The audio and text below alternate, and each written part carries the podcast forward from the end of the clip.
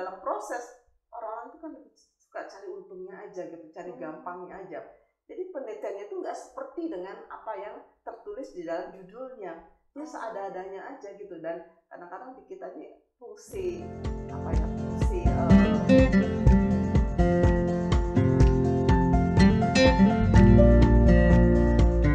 Hai hai hai sahabat Padira, Eh, jumpa lagi di Padira Podcast Pencerahan untuk Keadilan dan Kesetaraan. Nah, eh, kali ini kita akan membahas eh, salah satu penyakit juga yang dihadapi oleh masyarakat Indonesia, terutama para akademisi nih. Apa itu? Yaitu plagiarisme dan juga reorientasi publikasi ilmiah ya Bun ya. waduh seremnya judulnya ya Penyakit banget kan ya Bun ya? aduh itu penyakit sosial ya. penyakit sosial. Nah, kira-kira nih, eh, menurut Bunda gimana sih Bun, Bunda pandangannya terhadap eh, plagiarisme yang menjamur di mana-mana dan juga publikasi ilmiah tuh eh, sekarang ya Bun ya, kayaknya masih ada gunanya nggak sih Bun? Karena orang-orang tuh kan eh, bacanya sekarang kan status, bacanya kan apa gitu ya Bun ya, bukan yang penelitian yang berat-berat gitu, kayaknya langsung pusing gitu. Menurut Bunda gimana sih? Ya, ini sebetulnya, eh, sebetulnya sebuah pro- pro- problem bersama ya, bukan hanya problem kita di Indonesia, problem global ya. Karena demikian, kita ini sedang dalam kondisi di mana informasi itu berlimpah ruah ya. Tetapi masyarakat kita sepertinya bosen. Bukan hanya bosen, nggak punya gairah untuk Hmm. membaca. Tapi tentu ini nggak semuanya ya, karena kalau anda mengatakan kepada saya, saya sih tetap aja baca publikasi ilmiah setiap muncul yang terbaru saya mesti baca karena saya merasa penting untuk mengetahui apa sih hasil-hasil penelitian terbaru gitu kan. Enggak status ya Bun ya? Oh, saya nggak suka baca statusnya. Jarang sekali saya baca status karena apa? Karena saya nggak kepingin hidup saya itu hanya untuk eh, hal-hal yang tak berguna gitu kan. Dan kalau orang baca status tuh bisa berjam-jam loh waktunya nggak Iya. habis-habis.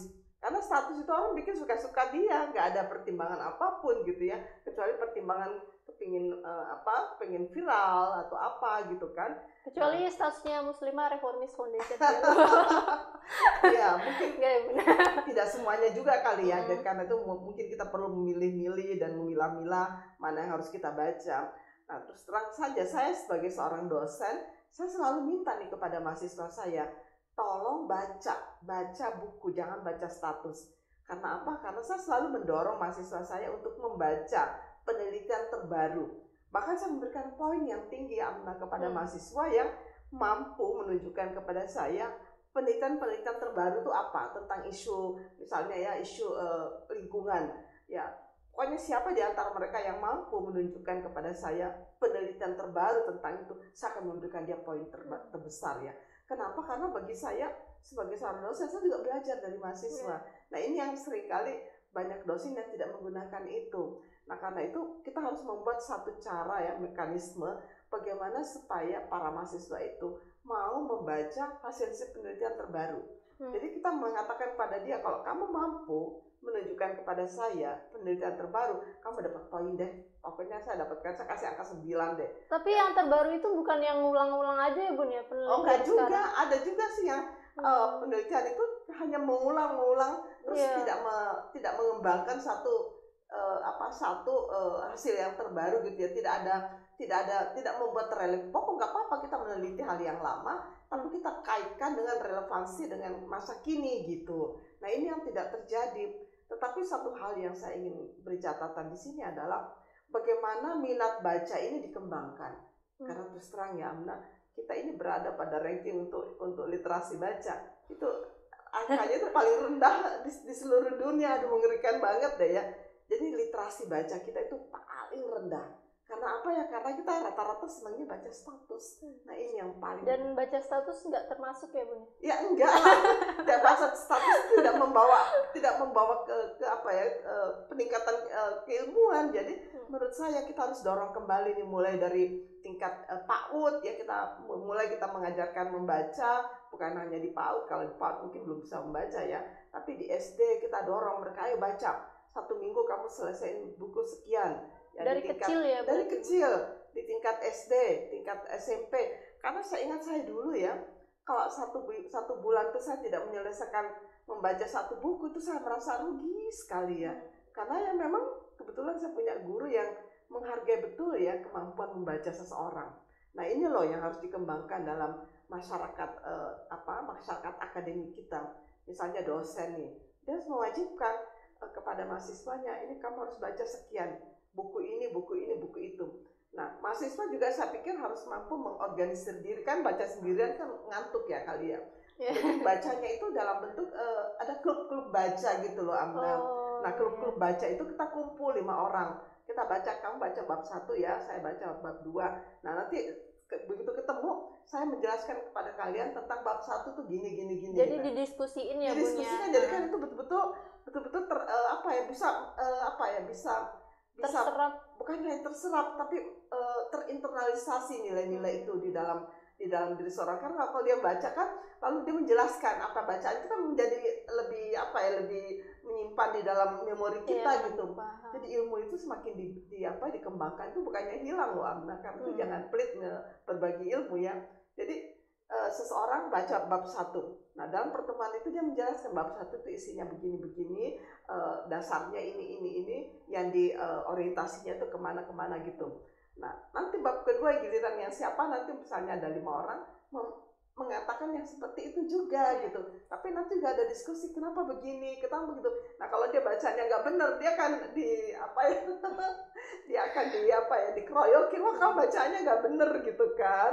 Jadi bener-bener perlu ada klub klub baca klub baca dalam masyarakat kita. Hmm. sehingga nah klub baca itu kalau di beberapa negara maju itu amna bagus. Adanya itu di kafe gitu kan. Hmm. jadi sambil minum kopi sambil Jadi makan enjoy ya, gitu snack ya, Bu. kecil. jadi enjoy gitu sambil. Jadi mereka berdebat tentang hal-hal yang bermanfaat. Hmm. jadi kalau kita hangout di kafe ngapain sih kamu biasanya kalau di kafe? Gibah bun oh. Enggak ya. Tidak boleh untuk ditiru. Iya jadi kalau orang kumpul saya selalu memperhatikan ya anak-anak muda itu di beberapa negara maju nih ya. Jadi hangoutnya tuh di kafe atau di taman terus mereka tuh membincangkan buku apa yang terbaru gitu. Ya Allah itu betul-betul sebuah apa ya, tingkat Ya. peradabannya emang beda sih ya dengan kita ya level peradaban kita tuh beda. Karena apa? Karena saya melihat juga bagaimana mereka itu eh, apa saling nggak mesti. Jadi mereka tuh bukannya mementingkan eh, gelar atau apa. Di kita kan kuliah itu kan yang penting kan dapat gelar gelarnya. heeh. karena dengan gelar itu dia dapat memanipulasi banyak hal kan? Kan karena saya pikir udah deh nggak usah pakai gelar-gelar gitu karena percuma juga sih. Di kita nih sampai tolong aja ya jangan jangan tersinggung ya anggota DPR tuh banyak tuh pakai gelar-gelar gini pan sampai gelarnya tuh panjang banget. Kadang-kadang saya pikir gimana dia kuliahnya ya. Taunya ijazahnya beli itu. Nah itu dia bagaimana nih? Kita mesti apa ya? Nah tadi juga ada nih yang menarik Amna eh, angkat tentang plagiarisme nah Nah, iya kamu pernah pernah lihat nggak orang yang melakukan plagiarisme? Ya Gimana? banyak itu bun. Hmm. Eh, apalagi kalau misalnya nggak cuman itu ya bun, nggak cuman kayak misalnya skripsi Hmm. yang ngambil dari skripsi orang tuh bun, Hmm. ada kayak kayak gitu. Sampai sidangnya tuh nggak dibatalin ketahuannya pas sidang. Oh kamu plagiat dari Universitas Anu gitu. Jadi Oh, sekarang itu sudah ada ini ya sekarang udah ada, Iya, udah ada udah ada. alatnya ya untuk iya mendeteksi ya cek plagiarisme itu. cek plagiarisme. Heeh, iya. Tapi ketahuannya nanti di di ujung gitu mau ujian. Iya, karena mungkin berkas-berkasnya udah di apa namanya udah diajuin segala macam, jadi dijeder pas di sidang.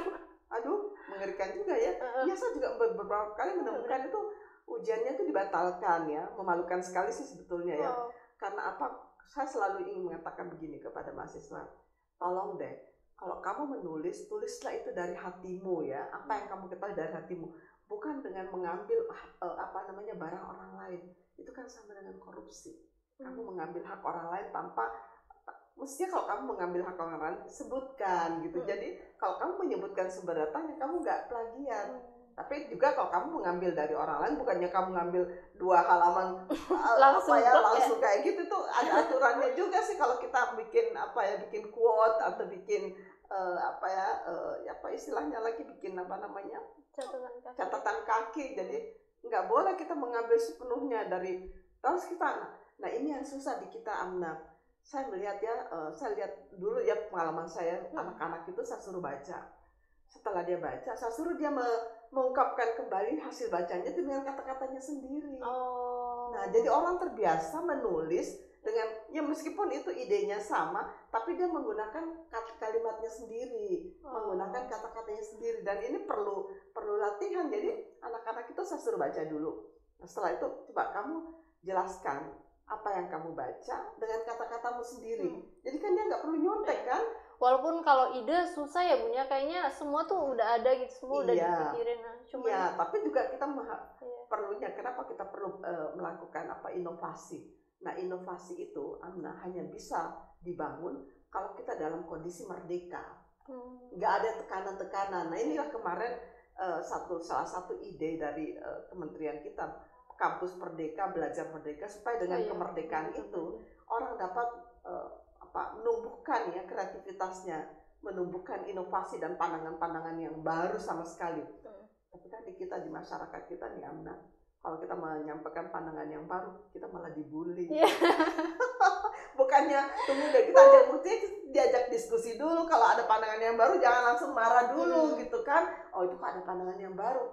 Jangan langsung mengatakan ah itu haram gitu kan. Itu apa gitu. terakhir itu yang disertasi di Jogja itu ya bun ya yang apa namanya? Oh iya yang temen saya punya itu ya. eh, Milkul Yamin itu kan. Sebenarnya itu bagus disertasi itu ya. Cuma karena masyarakat kita ini nggak apa yang nggak biasa mendengarkan pendapat Nah. yang baru ya. Karena biasanya cuma dengar plagiat aja gitu kan. Iya. Emang emang nggak mudah sih ya. Jadi tolong deh kalau ada pendapat yang baru jangan langsung marah dulu. Sebaiknya kamu baca. Kemudian kalau kamu belum tahu juga kamu ajak nih yang menulis itu. Ajak untuk Diskusi. gimana nih sebetulnya? Boleh nggak saya diberikan highlight tentang apa yang kamu dapatkan? Nah dengan demikian kan kita bisa mendapatkan pengetahuan yang lebih Iya. jelas. Atau kalau kamu nggak setuju dengan satu pendapat kamu tulis aja lagi pendapat yang lain Iya. jadi kalau kamu nggak setuju dengan satu buku, kamu bikin aja buku yang lain, jadi kan jadi jadi banyak. nih. elegan ya bun ya kayak Iya. kritiknya tuh ya buku Iya. tulisan lawan tulisan Iya, buku tuh Enggak. tulisan dilawan dengan tulisan, buku dilawan dengan Persekusi. buku. Akhirnya kan kita dapat mendapatkan banyak pengayaan buku, tulisan. Jadi jadi dinamika keilmuan itu Hmm. berkembang gitu kan. Kita kan kalau orang kadang-kadang saya nih yang suka mendapatkan bullying kayak gitu sama menulis sesuatu ya pandangan-pandangan yang baru. Eh bukannya diapresiasi malah dibully. Tunggu dulu deh, kamu kalau mau panggil saya jelasin, lalu kita diskusi gitu kan. Nah kalau kamu nggak setuju dengan pendapat saya, kamu tulis aja buku yang lain yang yang yang menyatakan bahwa kamu nggak setuju dengan pendapat saya, kamu kemukakan pendapat kamu gitu kan. Jadi nggak usah marah-marah deh ya. masalahnya tuh kayak seringnya nggak dibaca dulu gitu pun dengar dengar Nah, aja dia ngomong dia. ini nih Katanya gitu Iya. kan. Udah nggak baca, udah nggak baca, udah nggak melakukan penelitian, taunya membuli, taunya memarah-marah ya. Jadi ini menurut saya adalah sebuah sikap yang sangat bukan hanya tidak etis tapi juga nggak manusiawi. Kalau dari segi kebermanfaatan gimana sih bunda ngelihatnya kalau publikasi ilmiah itu bun karena ya lagi-lagi itu bun fenomena orang tuh nggak menjangkau penelitian-penelitian itu gitu loh bun Iya karena eh, orang sekarang ya saya melihat ya eh, ada banyak eh, apa ya penelitian dilakukan. Tapi penelitian itu dilakukan asal ada aja gitu. Yang penting penelitian iya. itu dilakukan terus dananya keluar gitu kan. Ini Hmm. paling paling apa ya menurut saya karena saya beberapa kali terlibat dalam eh, panitia seleksi eh, apa ya penelitian ya. Penelitiannya sih awalnya bagus tapi ketika di ketika itu dalam proses orang-orang itu kan lebih suka cari untungnya aja gitu, cari Hmm. gampangnya aja. Jadi penelitiannya itu nggak seperti dengan apa yang tertulis di dalam judulnya. Dia Hmm. seada-adanya aja gitu dan kadang-kadang di kita ini fungsi apa ya fungsi eh, monitoringnya, Hmm. fungsi Oh. evaluasinya itu nggak jalan. Jadi hasil penelitian yang dibuat, aduh tidak sesuai dengan apa ya dengan eh, dengan platform Nyata. yang di eh, apa dikemukakan gitu. Jadi saya sedia aja ya di, di berbagai tempat ya ada di di apa di Kementerian Agama, ada di Kementerian Pendidikan, di kementerian yang lain juga ada lembaga-lembaga litbangnya gitu kan yang membuat penelitian. Ya penelitian itu dibuatnya asal asal dibuat aja gitu tidak tidak me- tidak memikirkan apa sih manfaat dari penelitian itu. jadi ini ya bun ya kayak kuantitas aja Itu dia. apalagi ya. kalau katanya kalau dosen itu kan wajib gitu ya bun ya bikin penelitian-penelitian jadi eh, itu dilakukan buat menggugurkan aja Iya hanya sekedar cari koma aja. Iya. mendapatkan eh, apa supaya bisa naik pangkat ya bisa naik kadang-kadang saya berpikir ya Allah ini dosa juga nih kita semuanya ya Hmm. yang bergerak di bidang ilmiah karena itu saya selalu mengatakan kalian yang nggak punya nggak punya apa ya nggak punya ketertarikan dalam dunia ilmiah nggak usah menjadi ilmuwan deh daripada kita mengacaukan kehidupan ilmiah kehidupan akademisi ini ya. Jadi kalau saya sih kalau anda tidak punya ketertarikan untuk membaca untuk meneliti mendingan anda terjun di entrepreneurship aja deh jadi pengusaha ya kan? Dan nggak usah baca-baca gitu kan. Karena kalau menurut saya dunia pengetahuan itu ya memang urusannya ya harus harus punya apa ya punya bakat membaca punya bakat meneliti punya bakat atau artinya mau meluangkan waktu untuk kepentingan-kepentingan keilmuan. Karena kalau nggak begitu ya percuma juga kita menjadi ilmuwan.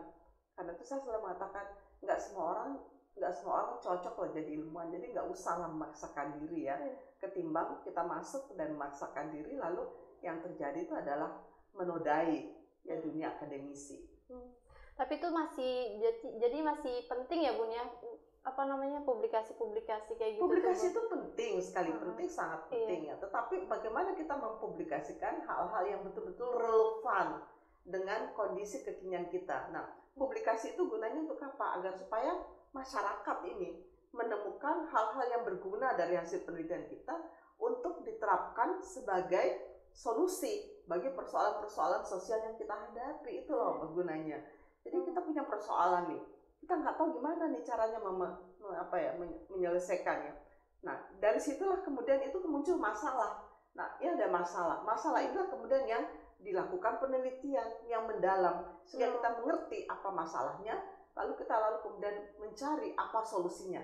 Nah dari situ kemudian hasil penelitian itu nanti mampu yang mengadres, mampu menjadi solusi dari berbagai problem yang kita hadapi secara sosial, secara ekonomi, secara politik yang terjadi dalam masyarakat. Hmm, Oke, okay. jadi itu uh, sekaligus menjawab ya, karena kayak ada gini kan Bun, misalnya kenapa sih harus uh, penelitian yang panjang-panjang gitu kan nggak dibaca gitu ya Bun ya? Mending kayak dibahasain secara ringan aja gitu lewat uh, status atau kolom-kolom uh, pendek gitu. Nah itu kan gunanya Tapi ternyata Oh iya, iya. Ya, biasanya kan ada abstrak. Abstrak dari penelitian yang panjang itu apa? Nah, sering kali juga orang ketika membuat abstraknya itu ya uh, tidak serius gitu sehingga hmm. tidak menarik dan tidak me menjelaskan inti dari hmm. penelitian itu. Saya kalau membuat abstrak itu betul-betul ya saya baca dulu karena membuat abstrak itu harus membaca berulang-ulang dulu. Kita baca hmm. berulang-ulang penelitian ini apa ya inti sarinya apa. Lalu kemudian dengan abstrak itu orang langsung dengan dengan cepat ya dengan cepat dengan mudah langsung menangkap oh iya maksud penelitian ini seperti ini. Nah itulah nanti yang berguna untuk bagaimana merespon persoalan-persoalan kontemporer yang kita hadapi ya dalam kehidupan kita sekarang. Wah, ternyata sangat bermanfaat, sangat apa ya? penting banget itu uh, publikasi ilmiah karena itu juga mendorong pengetahuan-pengetahuan baru ke depan ya Bun ya. Ya karena mm -mm. persoalan sosial kita semakin bertambah bukannya semakin, semakin berkurang ya. Nah untuk menjawab persoalan-persoalan sosial itu perlu ada penelitian supaya kita nggak ngawur gitu solusinya. Yeah. Tapi sayangnya nih terus terang saja saya, saya ingin mengatakan begini ya kebanyakan kebijakan-kebijakan pemerintah yang dibuat itu enggak berdasarkan penelitian ya. That, oh, this is the iya, iya problem iya. ya. Jadi masalahnya begini, solusinya bukan berdasarkan hasil penelitian karena penelitiannya tidak dipakai gitu. Jadi yang yang meneliti juga kasihan, udah capek-capek penelitian tapi ketika mengambil kebijakan, ya kebijakan apa pun dalam pembangunan kita itu bukan tidak berdasarkan penelitian yang sudah dilakukan. Jadi penelitiannya ke mana, kebijakannya ke mana, nggak nyambung gitu. Jadi akhirnya kebijakan kita tidak menyelesaikan masalah, bahkan bahkan mungkin menimbulkan masalah baru gitu kan. Jadi karena itu saya berpikir tolong deh para pengambil kebijakan itu kalian sebelum mengambil kebijakan apa pun itu baca dulu hasil penelitian yang relevan dengan itu sehingga kebijakan yang anda buat misalnya itu, nih bun di peraturan apa sih bun? Ya misalnya gini mau bikin uh, peraturan tentang uh, kebijakan tentang undang-undang ini aja deh nggak usah jauh-jauh undang-undang TPKS gitu kan. Nah, baca dong semua kebijakan yang berkaitan dengan kekerasan seksual. Penelitian-penelitian tentang itu gimana sih sebetulnya di masyarakat kita? Udah itu udah sangat urgen. Nah, tetapi kan para pengambil keputusan ini tidak membaca hasil penelitian yang dibuat dalam masyarakat kita. Jadi jadi ya gimana ya? Jadi memandang bahwa persoalan ini nggak penting, padahal di masyarakat itu udah sangat urgen gitu kan karena itu ya apa pun ya misalnya lagi penelitian tentang gimana nih caranya supaya uh, COVID misalnya ya, COVID ini tidak tidak uh, menakutkan. Ya harus ada penelitian sebenarnya sikap di masyarakat kita tentang COVID itu seperti apa, apa yang harus diperbaiki. Nah, kebijakan pemerintah itu harus dilakukan berdasarkan penelitian yang dilakukan tentang COVID hmm. gitu. Oke, makasih banyak Bunda ya Allah sangat uh, apa ya bermanfaat banget jadi. Tapi ingat loh jangan jangan ada plagiarisme. Plagiat itu adalah no. dosa dalam dunia akademisi kita. Tuh. Tolong deh, iya. jangan yeah. pernah melakukan hal-hal yang membuat kamu gampang, tapi itu resikonya itu sangat-sangat uh, tidak etis ya buat saya sangat-sangat tidak apa namanya sangat-sangat mengganggu kehidupan akademisi hmm. kita. Jadi kalau kamu ingin melakukan atau membuat karya ilmiah, pastikan bahwa kamu melakukannya itu dengan hati yang tulus, bukan dengan cara-cara yang manipulatif, dengan melakukan plagiat terhadap karya-karya orang lain. Ya itu juga menunjukkan integritas kita ya bun ya ya integritas moral itu penting untuk apa kamu berpendidikan tapi nggak punya integritas moral ya kan wow quote hari ini oke okay. oke terima kasih bunda uh, terima kasih sahabat Padira yang udah menonton sampai jumpa di uh, pembahasan Padira berikutnya penyakit-penyakit baru yang menjangkiti masyarakat nanti kita akan bahas dan ulas ya Oke, uh, terima kasih. Sampai jumpa lagi. Salam Padira pencerahan untuk keadilan dan kesetaraan.